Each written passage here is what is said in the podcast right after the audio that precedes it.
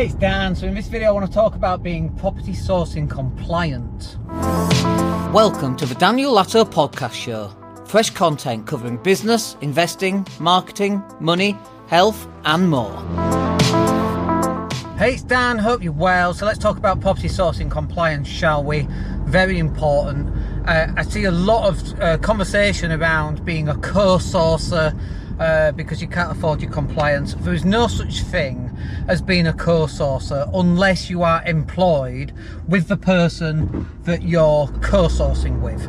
Like you have to be an employee of that organisation. So if we put it into context, property sourcing compliance is basically the same compliance, literally, it's exactly the same compliance as being an estate agent. So if you work for the estate agency as an employee, then yes, you are property sourcing compliant. That's what estate agents do. You are acting as an estate agent. If you're not compliant and you're introducing properties as a business to other people, you are acting as an estate agent. And therefore, you have to be compliant. There's no getting around this. You have to be compliant. Now, you can run the risk, of course, of not being compliant and just seeing what happens uh, and hoping for the best and hope you don't get caught and all of that kind of thing. I don't really think that's a great um, way of going through life.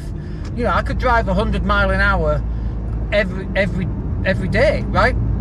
Do you think I'm going to get killed at some point? Do you think I'm going to kill someone at some point? Do you think I'm going to get stopped by the police at some point, get fined and banned and all the rest of it? Of course. Of course. If you're doing it all the time. I don't like that as an idea, right? And you shouldn't do. Uh, you shouldn't either. You should be compliant. Look, there's no getting around it. Oh, well, I want to be the greatest football player on the planet. Okay, did you train four times today? Nah. Well, how, how are you going to be the greatest footballer on the planet? Nah. It's the same thing. You're either going to commit to this process and be the best damn property sourcer on the planet, or your version of that, or the very best that you can do, right? You don't have to be the best sourcer on the planet. You just have to be slightly better than all the other numpties out there trying to be property sources who are not compliant. You've got to get compliant. Commit to the process. Oh, well, it's uh, over a thousand pounds. I don't want to spend that now. I'll spend it when I get my first deal. That's crazy. That's like saying I'm not going to practice football until I get a contract with Leeds United. Leeds United probably not where you want to be anyway, but it's crazy. Why would you? Why would you react like that?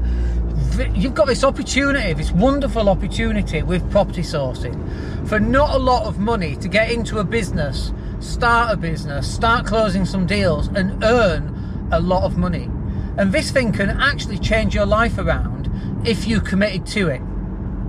It would change your life if you committed properly to it. And this is really the crux of it, I think, is that people don't commit to the path of a journey and therefore the results that they're going to get are the results of somebody who's not committed. If if I'm gonna be a CrossFit athlete, you know, I've got this crazy goal of being a professional CrossFit athlete uh, in the 65 plus uh, age group, right? I'm 51, so I've got 14 years of training to do. Do you think I need to be training every day for five days a week? Of course. Even 14 years away, yes set your stall out as though you're going to be successful. Act as if. That's what acting as if means, by the way. It doesn't mean fake it till you make it. You know, renting Ferraris and taking loads of pictures with them and then uh, scheduling them for the next 365 days to make it look like it's yours. That's fake it till you make it. What I'm saying is act as if. Act as if you are the top property sourcer in the land. What would they say? How would they dress? How would they think? What's their self talk? You know, what are the words that they describe themselves and what do they think of themselves? What are their actions? What marketing are they putting out there? What learning are they doing? What podcasts are they listening to? What reading material are they doing? What sales courses are they on? Act as if means that you need to act like you're a professional able to be a full-time property sourcer and pulling in the results. If you act like that, you've got a much greater chance of actually being like that.